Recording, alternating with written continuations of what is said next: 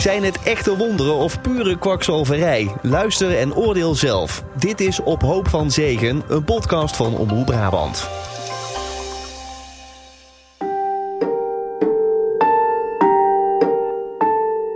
We weten nu hoe het eraan toe gaat tijdens zo'n genezingsdienst. In de naam van de Heer Jezus Christus, we nemen autoriteit over iedere ziekte, iedere kwaal, iedere pijn. Eruit in Jezus' naam. Iedere geestelpijn, geestelziekte. Eruit in Jezus' naam. Op het moment je genezen van je aandoening. Pijnstilling zal niet meer nodig zijn. Maar wie gaan er eigenlijk naar dit soort diensten toe? En waarom zijn ze hier vatbaar voor? Samen met Loes en Sanne dook ik, Ilse, de afgelopen maanden in de snelgroeiende evangelische organisatie Frontrunners Ministries. Eerder hoorde je al dat Sanne en Loes naar een genezingsdienst van Frontrunners gingen. En elke keer had hij een ronde. Dus nou, dan mensen die last hadden van de benen, dan mensen die last hadden van MS, mensen die depressies hadden, mensen die pinnen en schroeven in hun lichaam hadden, want die kon hij ook laten verdwijnen. Wat voor mensen zagen jullie daar? Mensen van alle leeftijden, alle geslachten, alle afkomsten. Je buurvrouw had het kunnen zijn, je, je, je docent, eh, je klasgenoot. Iedereen had het kunnen zijn. Er stonden echt van allerlei soorten mensen. Miranda Klaver heeft als religieonderzoeker al vaker zulke diensten bezocht en vertelt wat zij daar zag. Het zijn ook niet altijd kwetsbare mensen hoor, dat denken we gauw. Maar het zijn vaak toch ook mensen, nou, niet allemaal heel laag opgeleid. Er zitten ook gewoon mensen met goede opleidingen. En daar verbaas ik me altijd over. Ik denk, kan dat nou toch? Soms kunnen we als buitenstaanders niet goed inschatten wat charisma doet, maar ook waar mensen naar verlangen en waar ze graag bij willen horen. Het is vaak veel complexer dan alleen maar rationele afwegingen.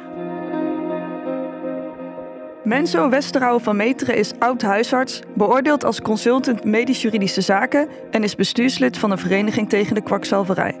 In die rol heeft hij medium Jomanda voor de rechter gesleept. Zij gaf in de jaren 90 soortgelijke healings als frontrunners, waar duizenden mensen op afkwamen. We hebben mensen gevraagd om met zijn kennis en kunde naar de manier van genezen en bevrijden van frontrunners te kijken. Het is eh, toch inspelen op bepaalde gevoelens. Mensen moeten natuurlijk wel bepaalde religieuze gevoelens hebben, anders zijn ze hier niet vatbaar voor.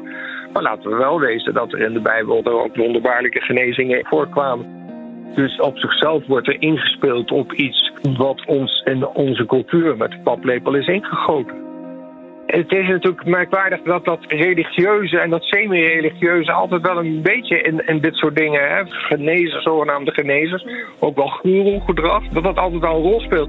Mensen komen met grote aantallen naar dit soort diensten. Waarom denkt u? Ja, er is kennelijk het, behoefte aan. Eh, Het is een glijdende schaal met het gevoel voor spiritualiteit, het gevoel voor godsdienst. Er zijn toch ook wel godsdiensten, en ik zal verder geen voorbeelden geven, maar die toch ook wel behoorlijk fanaat zijn en de meest rare dingen doen in naam van de godsdienst, maar ook vanuit een soort van bezetenheid. En dat leeft kennelijk, daar heeft een mens op de een of andere manier eh, feeling voor, eh, het heeft aantrekkingskracht op mensen en men gaat daarin mee. Het is natuurlijk heel merkwaardig. Het, voorziet in ieder geval in een behoefte. In al mijn nuchterheid zou ik zeggen van hoe kan je er in godsnaam geloven. Maar dat gebeurt kennelijk. Dat vroegen we ons tijdens de dienst soms ook af. Michiel van Elk is hoofddocent cognitieve psychologie aan de Universiteit van Leiden en heeft daar wel een antwoord op. Hij groeide op in een Pinkstergemeente en maakte zelf zulke diensten mee. Nu probeert hij met zijn wetenschappelijke oog te begrijpen wat zich daar precies afspeelt. Het brein gaat in een andere toestand, raakt in een andere toestand, waarbij het meer beïnvloedbaar wordt voor suggesties van buitenaf. Dus dat wil zeggen, normaal gesproken houdt ons brein voortdurend kritisch in de gaten welke informatie er binnenkomt en dat wordt getoetst aan de eerdere opvattingen die we hebben. Tijdens zo'n eh gebedsgenezingsdienst kan het zijn dat eh, de hersengebieden die betrokken zijn bij kritische reflectie, analytisch denken en het monitoren van informatie, dat die minder actief worden, waardoor mensen meer openstaan voor alles wat maar vanaf dat podium gesuggereerd wordt. Een toestand die vergelijkbaar is met hypnose. Mensen gaan dingen zien, mensen gaan dingen voelen die anders zijn dan wat ze normaal gesproken ervaren. En dat kan zo echt aanvoelen dat het eh, voor degene die op dat moment daar aanwezig is, echt letterlijk voelt alsof bijvoorbeeld God daar werkzaam is of de Heilige Geest eh, zich manifesteert in hun lichaam. Dus het is zeker zoiets wat iedereen in zekere mate kan ervaren, maar sommige mensen zullen daarvan nature gevoeliger voor zijn dan anderen. Zo'n soortgelijke ervaring heb je misschien zelf ook wel eens gehad. Neem het allergaafste concert ooit in gedachten. Je staat in de menigte en je kunt niet wachten. De lichten worden gedoofd en het wordt stil in de zaal.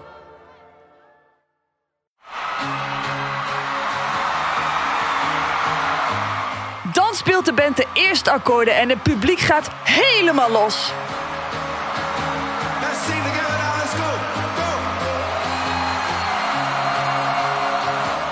Je krijgt kippenvel over je hele lichaam. Je kan niet stilstaan en je moet meezingen.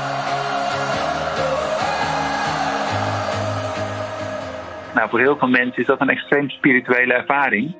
En het heeft met name te maken met die afwisseling van heel hard en dan in één keer valt de band weg en dan zingen de mensen alleen nog maar mee. Dan wordt het in één keer heel stil. En juist dat soort contrasten, daarvan is aangetoond dat het eh, voor heel veel mensen een kippenvel ervaring kan oproepen. Die vaak ook weer spiritueel geïnterpreteerd wordt. Want dat is niet alleen maar kippenvel of een fysiologische reactie, maar het is de Heilige Geest die bijvoorbeeld aanwezig is. Maar ook dat het in het brein gepaard gaat met een sterke afgifte van eh, dopamine. En dat eh, is bekend als het eh, beloningshormoon. Dat betrokken is bij beloning na extreme fysieke inspanning. Maar bijvoorbeeld ook door het gebruik van belonende drugs zoals cocaïne die daarop inwerkt. Iets wat daar wel plaatsvindt en wat wel in de wetenschap beschreven wordt, is de term effervescent. Dat is zeg maar een Frans woord voor bruisen. Is dat als heel veel mensen bij elkaar zijn, dan kan dat een gevoel opge- opleveren dat eh, het geheel meer is dan de som der delen. Dat er iets ontstaat van een collectief bewustzijn wat uitstijgt boven zeg maar, de losse mensen die daar allemaal samen zijn. En dat kan je hebben bij een voetbalwedstrijd of dat kan je hebben bij een Coldplay-concert, maar dat zie je ook gebeuren denk ik bij die evangelicale bewegingen. Dat het samen zijn in die context, in die setting, een soort van gevoel van magie oproept. Dus even samenvattend. Door de extatische opbouw met veel muziek en het samen zingen kan er een geluksgevoel ontstaan. Als heel veel mensen dit tegelijk ervaren, kan een bruisend gevoel tot stand komen waardoor je boven jezelf uitstijgt. Het voelt heel magisch. Evangelische kerken, zoals frontrunners, combineren volgens Michiel deze elementen. Door die sterke combinatie kun je een goddelijke ervaring hebben. Tijdens zo'n dienst gebeurt er van alles. Zijn bijvoorbeeld gelovigen die eh, zullen de stem van God horen. Die hebben het gevoel dat ze een boodschap krijgen voor God, voor hen persoonlijk. Nou, in termen van de psychologie wordt dat vaak geïnterpreteerd als een innerlijke stem. Die je interpreteert als dat is de stem van God. Dus daar vindt een attributie plaats, want het is niet je eigen stem, maar het is de stem van God. Of een hallucinatie die kan optreden. Die ook vaak kan optreden op de grens van waken en slapen. Zou een verklaring kunnen zijn. Maar er treden bijvoorbeeld ook ervaringen op waarbij mensen het gevoel hebben dat ze letterlijk boven zichzelf uitstijgen. En even zich minder bewust zijn van hun eigen lichaam. En als het ware zich meer verbonden voelen met de wereld om hen heen. Dat gevoel, zo'n ervaring, wordt juist weer heel erg gekoppeld aan hersengebieden die betrokken zijn bij het genereren van een beeld van onszelf. Van waar zijn de grenzen van mijn lichaam? Uh, waar begint de buitenwereld? En als die hersengebieden tijdelijk onderdrukt worden, kan een gevoel van eenheid en uh, verbondenheid ontstaan. Een derde mechanisme wat een rol zou kunnen spelen is suggestie. Mensen die houden normaal gesproken goed in de gaten wat voor informatie er bijvoorbeeld verteld wordt door uh, de predikant. Maar onder invloed van een charismatisch leider kan het kritisch denkvermogen als het ware tijdelijk even onderdrukt worden. En staan mensen meer open voor beïnvloeding, meer open voor suggestie.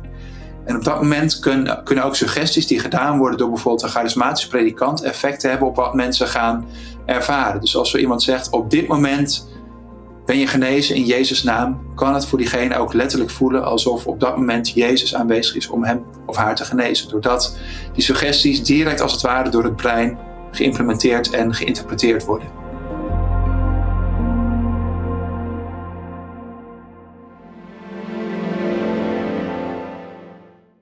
Ons brein is dus tot veel in staat. Door de opbouw van de diensten, die je kunt vergelijken met de opbouw van een popconcert, kun je in een soort trance raken. Je voelt een sterke verbondenheid met de mensen om je heen, waardoor de grenzen van je eigen lichaam kunnen vervagen en je het gevoel kunt krijgen dat God wonderen verricht. In de volgende aflevering duiken we in de geldstromen van frontrunners. Dan gaan mij de alarmbellen rinkelen. Dat vind ik gewoon een hoog risico-organisatie. Vooral als ik dan zie dat de inkomsten een paar jaar van, van 3 ton naar bijna een miljoen, nu naar geloof ik 2,5 miljoen uh, gestegen zijn.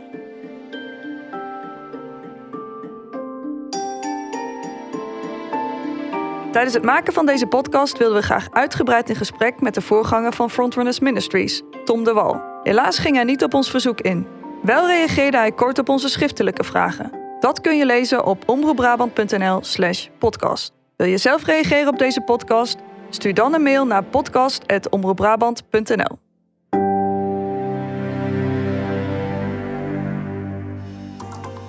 Tot zover aflevering 3 van Op Hoop van Zegen. Een podcast van Omroep Brabant gemaakt door Loes Krabbe, Sander Hoeks en Ilse Schoenmakers. Eindredactie Janneke Bos en Bert van Doorn. Vond je dit een interessante aflevering? Abonneer je dan en mis niks. Wil je meer podcasts van Omroep Brabant? Ga dan naar omroepbrabant.nl slash podcast.